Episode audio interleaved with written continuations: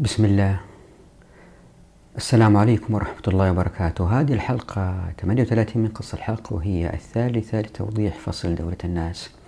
هذه الحلقة مخصصة للمحاور اللي من خلالها الشريعة تحاول دفع الناس للعمل الجهادي. بس تذكير بسيط أنه الإخوة المتابعين لأول مرة يروا هذه الحلقة لابد من مشاهدة الحلقات ماضية للتمكن من الاستمرار. الهدف من الحديث عن الجهاد لأنه في ناس بيقولوا كيف بيت المال يكون خاوي ما في أموال ومين راح يدافع عن الأمة المسلمة. والهدف هو إظهار كيف أنه الشريعة أوجدت حركيات تؤدي إلى أمة عزيزة قوية عسكريا من غير أموال من بيت المال كما فعل الرسول صلى الله عليه وسلم. هذا الهدف الأساسي.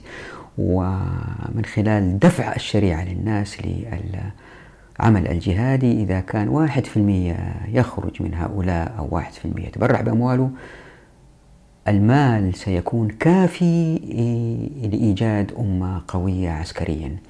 ليه؟ لأنه الأمة تستطيع الدفاع عن نفسها لأنها أمة متعودة على حمل السلاح والتدرب عليه. فما أحد يفكر يغزوها. تبقى مسألة آه، إقناع الأمم الأخرى بالحكم بالإسلام إن لم يقتنعوا. فموضوع آخر لا نريد الدخول في تفاصيل فيه الآن. وسميتها محاور. طبعا العلماء ما سموها محاور. العلماء يتكلم عن كل حديث كنقول كل آية يشرحوها. لاحظت أنه هذه المحاور وكأنها هي الأفكار الأساسية كمحور تصب فيها الآيات والأحاديث لتبرز هذه الفكرة. وبالتالي الناس من خلال هذه الثمانية المحاور في الغالب يقتنعوا ويتجهوا إلى العمل العسكري أما بأبدانهم أو بأبدانهم وأموالهم أو فقط بأموالهم. المحور الأول هو التهديد بالوعيد الشديد لمن تقاعس عن الجهاد. كما في قوله تعالى أعوذ بالله من الشيطان الرجيم.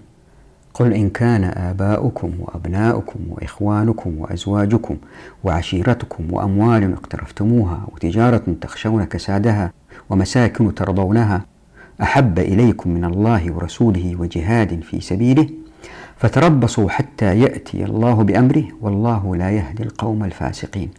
لاحظوا أن الآية ما تخاطب طبقة معينة ولكن تخاطب جميع الناس المسلمين.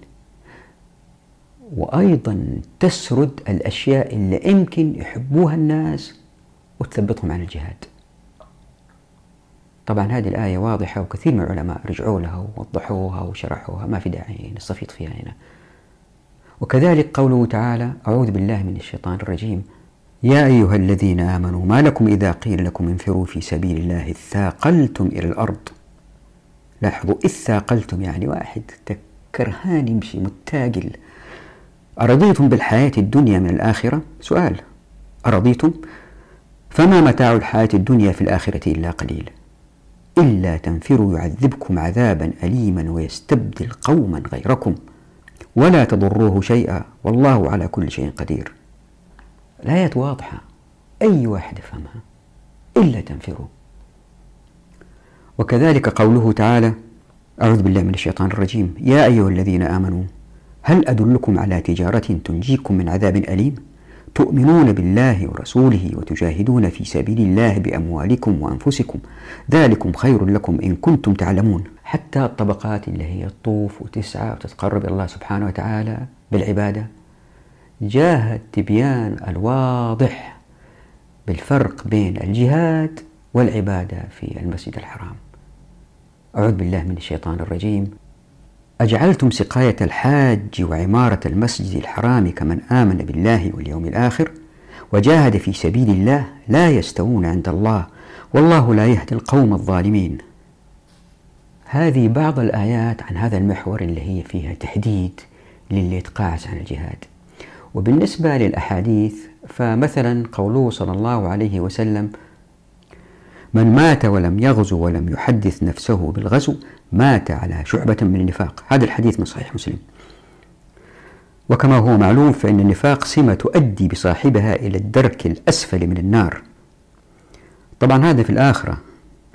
أما في الدنيا فقد تم التشنيع على المنافقين وتبيان صفاتهم لدرجة أنه صلوات ربي وسلامه عليه. أمر بعدم الصلاة عليهم كما في قوله تعالى أعوذ بالله من الشيطان الرجيم. ولا تصلي على أحد منهم مات أبدا ولا تقم على قبره إنهم كفروا بالله ورسوله وماتوا وهم فاسقون. وهنا ملحوظة سريعة أن الأيام هذه في مجتمعاتنا لأن المجتمعات ما تحكم في الشريعة في النادر تجد الناس يتحدثوا بين بعض يقولوا هذا منافق هذا غير منافق. لأنه الإمام الإيمان كصفة آه، تحدد الناس في المعاملات ومصداقيتهم إلى ذلك تقريبا اختفت إلا يحدد الآن مصداقية الشخص هو منصبه في الدولة هو شهادته هو هذه الأشياء التي تحدد هو لاعب مشهور هو مطرب هو هذه الأشياء التي تحدد مكانة الإنسان في المجتمع. بينما القرآن بيركز هنا بيقول نفاق وبيخوف من النفاق لأنهم في الآخرة في الدرك الأسفل من النار وفي الدنيا الناس إذا يعرفوهم يكونوا حريصين في التفاعل معهم. فمسألة النفاق هذه سيأتي توضيحها إن شاء الله هي من الصفات التي تظهر وعلى السطح في المجتمع المسلم إن طبق الشريعة. هو معيار معيار. إذا كان المجتمع ما طبق الشريعة المنافقين انتشروا جدا جدا جدا وتمييزهم يصير تصير مسألة ما هي ما هي مهمة. والواحد ما يقدر يقول الأيام هذه الله أعلم بما في نفوس الناس لكن يمكن من أكثر الأيام اللي فيها نفاق هي هذه الأيام وتجدوهم يكتبوا في الصحافة في الإعلام آه، بيتآلفوا مع الصهاينة وما إلى ذلك. وأخرج الترمذي وابن ماجه والحاكم عن أبي هريرة قال قال رسول الله صلى الله عليه وسلم من لقي الله بغير أثر من جهاد لقيه وفيه ثلمة والثلمة تعد انتقاصا من الشيء. حتى أن الرسول صلى الله عليه وسلم تردد في مبايعة شخص لا يريد الجهاد كشرط للمبايعة. ووضعت الحديث اللي هو من الحاكم في الشاشة هنا اللي حب يقرأها.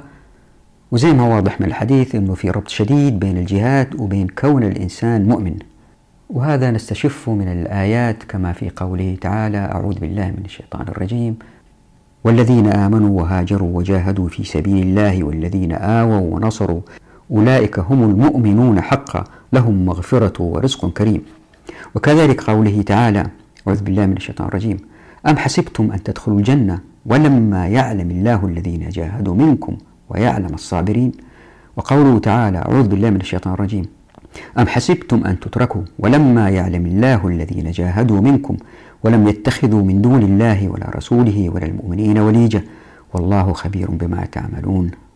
وقوله تعالى أعوذ بالله من الشيطان الرجيم. ولنبلونكم حتى نعلم المجاهدين منكم والصابرين ونبلو أخباركم. وقوله تعالى أعوذ بالله من الشيطان الرجيم. ويقول الذين آمنوا لولا نزلت سورة فإذا أنزلت سورة محكمة وذكر فيها القتال رأيت الذين في قلوبهم مرض ينظرون إليك نظر المغشي عليه من الموت. فأولى لهم. طبعا هذا المحور واضح كيف أنه الشريعة بالقرآن وبالسنة بتحاول قدر المستطاع تبين للناس ما يمكن الفصل في نفوسكم بين حياتكم والجهاد. مش زي ما صار الآن ما حد يفكر في الجهاد أبدا لا. الشريعة بتبين بالآيات وبالأحاديث أنه الجهاد هي مسألة مهمة في عقيدة المؤمن. والمحور الثاني هو تسييل لعاب كل شاب يريد أن يجاهد بالوعود بالحور العين في الجنة بأنه ما يشعر بأي ألم إذا استشهد. فقد روى الترمذي عن أبي هريرة رضي الله عنه قال قال رسول الله صلى الله عليه وسلم ما يجد الشهيد من مس القتل إلا كما يجد أحدكم من مس القرصة. يا سلام. وعن عبادة بن الصامت أن الرسول صلى الله عليه وسلم قال إن للشهيد عند الله عز وجل ست خصال أن يغفر له في أول دفعة من دمه ويرى مقعده من الجنة ويحلى حلة الإيمان ويزوج من الحور العين ويجار من عذاب القبر ويأمن من الفزع الأكبر ويوضع على رأسه تاج الوقار أليأقوت منه خير من الدنيا وما فيها؟ ويزوج ثنتين وسبعين زوجة من الحور العين ويشفع في سبعين إنسانا من أقاربه. هذه الخصال كلها في الآخرة. يعني إذا كان الشاب عنده ذرة إيمان يندفع للجهاد. وجاء في سنن الترمذي أنه صلى الله عليه وسلم قال لغدوة في سبيل الله أو روحة خير من الدنيا وما فيها. ولقاب قوس أحدكم أو موضع يده في الجنة خير من الدنيا وما فيها. ولو أن امرأة من نساء أهل الجنة اطلعت إلى الأرض لأضاءت ما بينهما ولملأت ما بينهما ريحا. يعني ريحة حلوة يعني عطور تفوح. ولنصيفها على رأسها خير من الدنيا وما فيها. هذا بالإضافة كما هو معروف أن الشهيد ما هو ميت هو حي في الآخرة عند الله سبحانه وتعالى. قال تعالى أعوذ بالله من الشيطان الرجيم. ولا تحسبن الذين قتلوا في سبيل الله أموات بل أحياء عند ربهم يرزقون. وجاء في المستدرك على الصحيحين عن ابن عباس رضي الله عنهما أنه صلى الله عليه وسلم قال الشهداء على بارق نهر بباب الجنة في قبة خضراء يخرج عليهم رزقهم بكرة وعشية.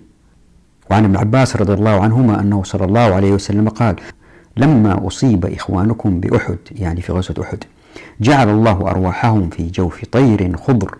ترد أنهار الجنة تأكل من ثمارها وتأوي إلى قناديل من ذهب معلقة في ظل العرش. فلما وجدوا طيب مأكلهم ومشربهم ومقيلهم قالوا من يبلغ إخواننا أن أحياء في الجنة نرزق لئلا يزهدوا في الجهاد ولا ينكلوا عن الحرب؟ فقال الله تبارك وتعالى أنا أبلغهم عنكم وأنزل الله أعوذ بالله من الشيطان الرجيم. ولا تحسبن الذين قتلوا في سبيل الله أمواتا. هذا بالإضافة إلى أنه الشهيد هو من خير الناس منزلة. ففي النسائي والحاكم وصحح البيهقي عن أبي سعيد الخدري أن رسول الله صلى الله عليه وسلم خطب الناس عام تبوك وهو مضيف ظهره إلى نخلة فقال ألا أخبركم بخير الناس؟ إن من خير الناس رجلا عمل في سبيل الله على ظهر فرسه أو على ظهر بعيره أو على قدميه حتى يأتيه الموت. وإن من شر الناس رجلا فاجرا جريئا يقرأ كتاب الله ولا يرعوي إلى شيء منه. وهذا حال كثير من الناس هذه الأيام مع الأسف. وأخرج الطبراني عن فضال بن عبيد أنه سمع رسول الله صلى الله عليه وسلم يقول الإسلام ثلاثة سفلى وعليا وغرفة. فأما السفلى فالإسلام دخل فيه عامة المسلمين فلا تسأل أحد منهم إلا قال أنا مسلم. وأما العليا فتفاضل أعمالهم بعض المسلمين أفضل من بعض. وأما الغرفة العليا فالجهاد في سبيل الله لا ينالها إلا أفضلهم.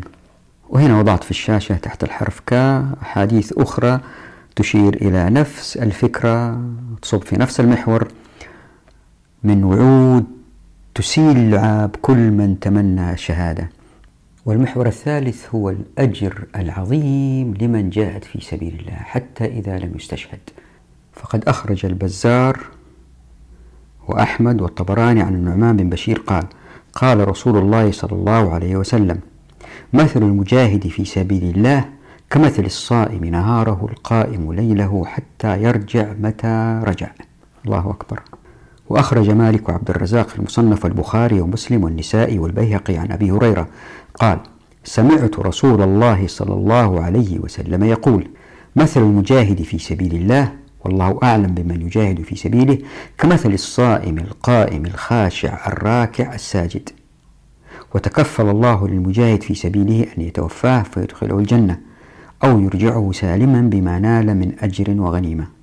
وأخرج البخاري والبيهقي في الشعب عن أبي هريرة قال جاء رجل إلى النبي صلى الله عليه وسلم قال علمني عملا يعدل الجهاد. قال لا أجده حتى تستطيع إذا خرج المجاهد أن تدخل مسجدا فتقوم ولا تفتر وتصوم ولا تفطر. قال لا أستطيع ذاك. قال أبو هريرة إن فرس المجاهد ليستن في طوله فيكتب له حسنات. واللي انظر لهذه الأحاديث وأقوال الفقهاء آه، الأوائل جزاهم الله خير وكيف كانوا فاهمين الأمور آه، يتعجب من آه، توضيحهم لهذه المسألة كيف أن الجهاد أجر عالي جدا جدا جدا لا شيء يصل إليه تقريبا. صعب جدا الإنسان يرتقي لمرحلة أو لمرتبة المجاهد. وهذه واضحة مثلا في مثلا جاء في فتح الباري وشبه حال الصائم القائم بحال المجاهد في سبيل الله في نيل الثواب. في كل حركة في كل حركة وسكون لأن المراد من الصائم القائم من لا يفتر ساعة عن العبادة فأجره مستمر. وكذلك المجاهد لا تضيع ساعة من ساعاته بغير ثواب لما تقدم من حديث أن المجاهد لا تستن فرسه فيكتب له حسنات. وأصرح من هذا قوله سبحانه وتعالى أعوذ بالله من الشيطان الرجيم. ذلك بأنهم لا يصيبهم ظمأ ولا نصب. وضعت هنا في الشاشة بعض الأقوال في هذه المسألة حتى أنه الصائم القائم والخاشع باستمرار وهذه صعبة جدا واحد يكون خاشع جدا باستمرار في صلاته. هذا لن يحصل على عشر ما يحصل عليه المجاهد. وما قالوا هو مجاهد يعني شادد في الجهاد ومركز لا بس يجاهد بس يجاهد. زي ما راح نشوف إن شاء الله إنه المجاهد يكون خواف في البداية وبالتدريج لما يخش في الجهاد ويشوف الأجر ويشوف الحماس ويشوف ينفع يعني يتفاعل أكثر ويصبح شجاع. فحتى القائم اللي هو مركز في الخشوع في الصلاة وبيصوم لن يصل إلى عشر مرتبة المجاهد. فقد جاء في الترغيب والترهيب عن معاذ بن أنس رضي الله عنه عن النبي صلى الله عليه وسلم أن امرأة أتته فقالت يا رسول الله انطلق زوجي غازيا وكنت أقتدي بصلاته إذا صلى وفعله كله فأخبرني بعمل يبلغني عمله حتى يرجع. قال لها أتستطيعين أن تقومي ولا تقعدي وتصومي ولا تفطري وتذكر الله تعالى ولا تفتري حتى يرجع؟ تفتري يعني ما توقفي ما إحنا في الحجاز نقول هذا ما يفتر طول وقته مستمر مستمر. قالت ما أطيق هذا يا رسول الله. فقال والذي نفسي بيده لو أطقته ما بلغت العشور من عمله. وطبعا هنا لما بيقول العشور هو ما يقصد عشر بالضبط يعني ما هي تسع لا يعني هي تعبير عن إنه لا تحاولوا تقارنوا بين اثنين واحد عابد صايم خاشع واحد بيجاهد في سبيل الله. وقبل ما أوضح المحور الرابع لابد من هذا التذكير المهم للشباب لا يعني سرد هذه الآيات والأحاديث أنه الشاب ينفعل ويطلع حي على الجهاد الله أكبر. تروح فين؟ تقاتل مين أمريكا في آخر الدنيا. والناس اللي من حولك حتى الحكام مسلمين. هم صحيح غلطانين بيتصرفوا غلط لكن ما نقدر نكفرهم. تروح فين؟ أنا بأتكلم عن الوضع أنه إذا كان في خلافة أمة لها خليفة. وكيف الأمة المسلمة هذه؟ ما يكون العبء العسكري ماليا عبء كبير على بيت المال. يعني ما في نفقات للعسكر من بيت المال. حتى لا يصير العمل العسكري وظيفة ويبقى عبادة. هذا هو الهدف من هذه الآيات والأحاديث.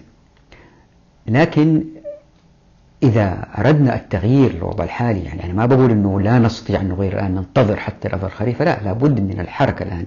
الإسلام دين حركة. الحركة الآن تأتي وضحتها فيديوهات سابقة بأخذ الحقوق. واحد يحيي أرض من غير إذن الإمام لأنه ما أخذ إلا حقه وما يجوز الإمام يقاومه. واحد يحيي أرض واحد يستخرج معدن واحد يحرك بضاعة من مكان لمكان من غير إذن الدولة لأنه هو ما هو مهرب والجمارك حرام مكوس.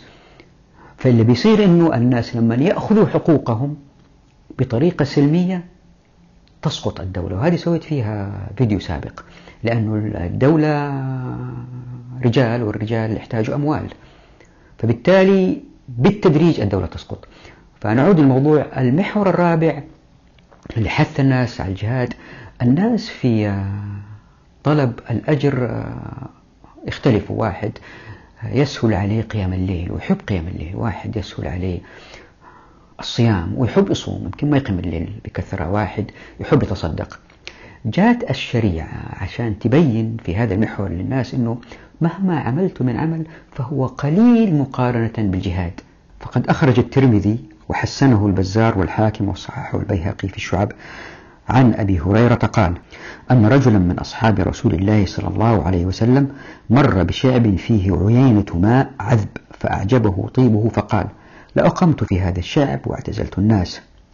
لن أفعل حتى أستأمر رسول الله صلى الله عليه وسلم.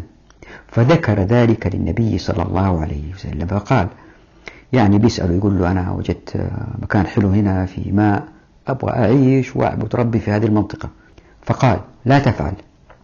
فإن مقام أحدكم في سبيل الله أفضل من صلاته في أهله ستين عاما. ألا تحبون أن يغفر الله لكم ويدخلكم الجنة؟ أغزوا في سبيل الله. من قاتل في سبيل الله فوق ناقة وجبت له الجنة. فوق الناقة هي الفترة الزمنية بين الحلبتين ووضعتها هنا آه، في آه، تحت حرف نون. يعني الفترة الزمنية بين حلبتين للناقة لما يحلبوها. فشوفوا هذا الأجر العظيم للجهاد فوق ناقة. الفترة بين الحلبتين ولا يتدبر الأحاديث تجد أنها تتماشى مع القرآن الكريم كما في قوله عز وجل أعوذ بالله من الشيطان الرجيم. ما كان لأهل المدينة ومن حولهم من الأعراب أن يتخلفوا عن رسول الله ولا يرغبوا بأنفسهم عن نفسه. ذلك بأنهم لا يصيبهم ظمأ ولا نصب ولا مخمصة في سبيل الله ولا يطؤون موطئا يغيظ الكفار ولا ينالون من عدو نيلا إلا كتب لهم به عمل صالح. إن الله لا يضيع أجر المحسنين. ولا ينفقون نفقة صغيرة ولا كبيرة ولا يقطعون واديا إلا كتب لهم ليجزيهم الله أحسن ما كانوا يعملون. وكذلك قوله تعالى أعوذ بالله من الشيطان الرجيم. والذين آمنوا وهاجروا وجاهدوا في سبيل الله بأموالهم وأنفسهم أعظم درجة عند الله وأولئك هم الفائزون. وفي حديث كثير أيضا في هذا المحور ألا وهو الدفع الدفع للناس من خلال هذا الأجر الكبير. آه، فوق ناقة جهاد لمرة واحدة حرس ليلة حراسة ليلة واحدة. يخلي الخوافين اللي هم مؤمنين. آه، طبعا آه، مو كل مؤمن شجاع. ولا كل شجاع مؤمن. فيخلي المؤمنين اللي هم خايفين يتجرؤوا ويحرسوا ليلة وبعيدين جالسين هم على المعركة جالسين بيحرسوا ولا يشيل مع الجيش أغراض وما إلى ذلك. شوية شوية تشجع. فقد أخرج ابن ماجه عن أنس أنه سمع رسول الله صلى الله عليه وسلم يقول حرس ليلة في سبيل الله أفضل من صيام رجل وقيامه في أهله ألف سنة. السنة ثلاثمائة يوم واليوم كألف سنة. الله أكبر. يعني الحديث هذا ما يدفع بعض الناس هو بيحرس هو بعيد عن الجيش بعيد عن المعركة. ويكسب الأجر بدل ما يقوم بدل ما أنا ما أقول ما يقوم الليل لا. يعني هذا حث أكبر. بدل ما يقوم ويصوم لا يروح حرس ليلة. وإذا حسبناها تطلع أجر 300 مليون يوم. وفي حديث آخر فقد أخرج الحاكم وصححه البيهقي عن عمران بن حسين أن رسول الله صلى الله عليه وسلم قال مقام الرجل في الصف في سبيل الله أفضل عند الله من عبادة الرجل ستين سنة وأخرج النسائي والحاكم وصححه البيهقي عن عثمان بن عفان أنه سمع رسول الله صلى الله عليه وسلم يقول يوم في سبيل الله خير من ألف يوم فيما سواه وأخرج أحمد البخاري ومسلم والترمذي وابن ماجه والبيهقي عن أنس عن النبي صلى الله عليه وسلم قال لغدوة في سبيل الله أو روحة خير من الدنيا وما فيها كما أن هناك روايات عن فضل ساعة واحدة في الجهاد. فقد أخرج ابن سعد عن سهيل بن عمر أنه سمع رسول الله صلى الله عليه وسلم يقول مقام أحدكم في سبيل الله ساعة يعني ساعة واحدة خير من عمله عمره في أهله. وضعت هنا في الشاشة أحاديث أخرى مثل شهيد مثلا عمله لا يتوقف أجره لا يتوقف يتضاعف تضاعف تضاعف فهذه كلها آه، الأحاديث والآيات تصب في محور أنه الشخص اللي يخاف مثلا ولا آه، متدين ويصلي ويصوم وشوية متردد وخايف اندفع دفعة بسيطة في شيء بسيط وبالتالي يمكن يتعود يصير مجاهد. في نقطة مهمة نسيتها وإن شاء الله أذكر فيها الحلقة القادمة في بداية الحلقة إن شاء الله ما أنسى أنه الجهاد لأنه عمل تطوعي وليس مدفوع بالمال هذا يعمل كفلتر أو صفاية يصفي الناس الخوافين المنافقين ما يخدموا على الجهاد لأنه تطوعي مجانا وليس مقابل مال والغنائم تأتي بالإقدام زي ما راح نشوف إن شاء الله في فصل الديوان كيف في تقسيم الغنائم في حيثيات معينة إلا لو إلا فتح الباب في السور بالقوة إلا مثلا يقدر يصيب هدف بمدفع دبابته ليؤدي إلى النصر وما إلى ذلك. هذه الأشياء يمكن القائد يعطي عليها غنائم زيادة. فاللي بيصير أنه المعركة تسحب الشجعان. وهذه تصفية ذاتية ليه؟ لأنه من الأساس الخوافين آه، يتحججوا أبويا مريض أمي مريضة ما أقدر أذهب للجهاد وبالتالي لأنه العمل العسكري عبادة والناس يكتسبوا مهارة الجهاد وهم يصيروا الأقوى الذي يقود الأمة هم هؤلاء. هذول الشجعان لأنهم راحوا المعركة لأنهم مؤمنين بالله ويبغوا الأجر. هؤلاء أنقى الناس. هؤلاء الأنقى من الناس لأنهم مؤمنين بالله ومتوكلين على الله ومؤمنين في حساب يوم القيامة. وما تشدهم الألاعيب هذه الرشاوي وما إلى ذلك. هؤلاء الأنقى هم الذين سيقودوا الأمة. وهذا موضوع مهم جدا. كيف أن الشريعة أوجدت هذه الحركية؟ أن العمل العسكري عبادة يؤدي إلى تصفية الناس الفاسدين الخربانين المنافقين. وهذول كثيرين هذول يعرفوا كيف يلمعوا أنفسهم وكيف يظهروا وكيف يصلوا إلى مراتب عليا. ويقودوا الأمة. هؤلاء لن يكون لهم مكان أبدا في الأمة المسلمة. ليه؟ لأنه يتصفوا من البداية. رعديدين خوافين منافقين. المحور الخامس هو أنه أي جهاد في مشقة شديدة لما يسافروا في الطريق لما يناموا بين الجبال لما يتعبوا في منطقة ما فيها ماء. الجهاد مشقة. جاءت الشريعة تحول هذه المشقة إلى أجر. فقد أخرج أحمد والبخاري والترمذي والنسائي عن أبي عبس عبد الرحمن بن جبر أن رسول الله صلى الله عليه وسلم قال من أغبرت قدماه في سبيل الله حرمهم الله على النار. طبعا آه، الغبرة ليس فقط في المعركة لكن في الطريق للمعركة إنسان تغبر قدماه الله يحرمه على النار. وليست القدمان فقط بل هناك أحاديث عن تحريم سائر الجسد. فقد أخرج أبو يعلى وابن حبان والبيهقي عن جابر بن عبد الله أنه سمع رسول الله صلى الله عليه وسلم يقول من اغبرت قدماه في سبيل الله حرمه الله على النار. وأخرج أحمد والطبراني عن عائشة قالت سمعت رسول الله صلى الله عليه وسلم يقول ما خالط قلب امرئ رهج في سبيل الله إلا حرم الله عليه النار. والرهج هو الغبار. وأخرج ابن ماجه عن أنس قال قال رسول الله صلى الله عليه وسلم من راح روحة في سبيل الله كان له بمثل ما أصابه من الغبار مسك يوم القيامة. وأخرج الطبراني والبيهقي عن أبي أمامة أن النبي صلى الله عليه وسلم قال ما من رجل يغبر وجهه في سبيل الله إلا آمنه الله دخان النار يوم القيامة. وما من رجل تغبر قدماه في سبيل الله إلا آمن الله قدميه من النار. ومن هذه الأمثلة أيضا في هذا المحور العين.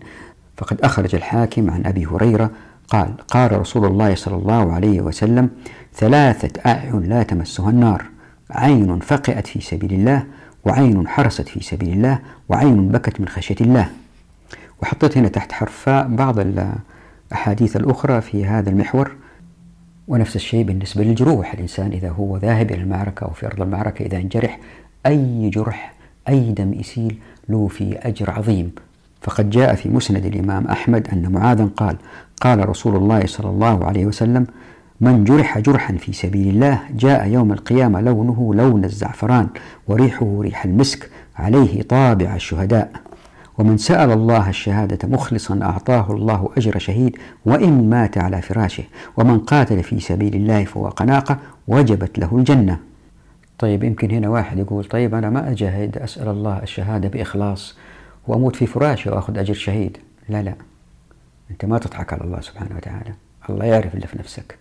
وأخرج الترمذي وحسنه عن أبي أمامة عن النبي صلى الله عليه وسلم قال ليس شيء أحب إلى الله من قطرتين أو أثرين قطرة دمع من خشية الله وقطرة دم تهراق في سبيل الله. وأما الأثران فأثر في سبيل الله وأثر في فريضة من فرائض الله. وزي ما أنتم شايفين أقل حاجة يتعرض لها المجاهد تحسب له أجر حتى لو شعر راسه شيب. فقد أخرج عبد الرزاق عن مكحول قال حدثنا بعض الصحابة أن رسول الله صلى الله عليه وسلم قال من قاتل في سبيل الله فوق ناقة قتل أو مات دخل الجنة ومن رمى بسهم بلغ العدو أو قصر كان عدل رقبة ومن شاب شيبة في سبيل الله كانت له نورا يوم القيامة. ومن كلم كلمة جاءت يوم القيامة ريحها مثل المسك ولونها مثل الزعفران. والكلم هو الجرح. والمحور السادس تكفير الخطايا. مين من الناس لم يخطئ؟ كلنا أخطأنا وكلنا عندنا ذنوب. أتى الجهاد كفرصة لتكفير جميع الذنوب إلا الدين. إلا الدين. كل الذنوب الله سبحانه وتعالى يكفرها. وأفضل مثال على كذا الذي قتل حمزة رضي الله عنه.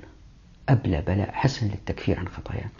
وعكرمة بن أبي جهل كيف أبلى بلاء شديد في الجهاد حتى يكفر عن خطاياه في تعامله مع الرسول صلى الله عليه وسلم والإسلام أول ما بدأ كدعوة ناشئة في مكة. جاءت الشريعة تقول للناس هيا جاهدوا وخطاياكم تذهب. تذكروا ليلة القدر. في ليلة القدر العلماء يشجعوا الناس يلا أقيموا الليل وأجر كبير وأجر 83 سنة أظن. هذه لا تقارن بالجهاد في سبيل الله. يعني الأمة الإسلامية آه، أمة عمل أمة اندفاع أمة ابتكار أمة استخراج خيرات أمة تصنيع. اللي صار إنه الدين تغير. تذكروا ليلة القدر؟ العلماء أنا ما أقول هذا شيء ما هو جيد هذا شيء جيد لأنه الآن مساكين إحنا مساكين ما عندنا طريقة آه، نعظم فيها الأجر إلا بليلة القدر بالصيام بالقيام. لأنه ما في جهاد. لكن إن كان في جهاد الناس يندفعوا للجهاد أكثر بكثير اللي يبغوا الأجر لأنه حتى ليلة القدر لا تقارن بالجهاد في سبيل الله.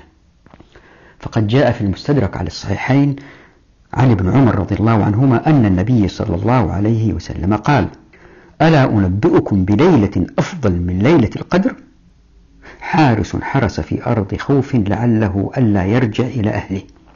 وأخرج الطبراني عن سلمان قال قال رسول الله صلى الله عليه وسلم إذا رجف قلب المؤمن في سبيل الله تحات عنه الخطايا كما يتحات عذق النخلة.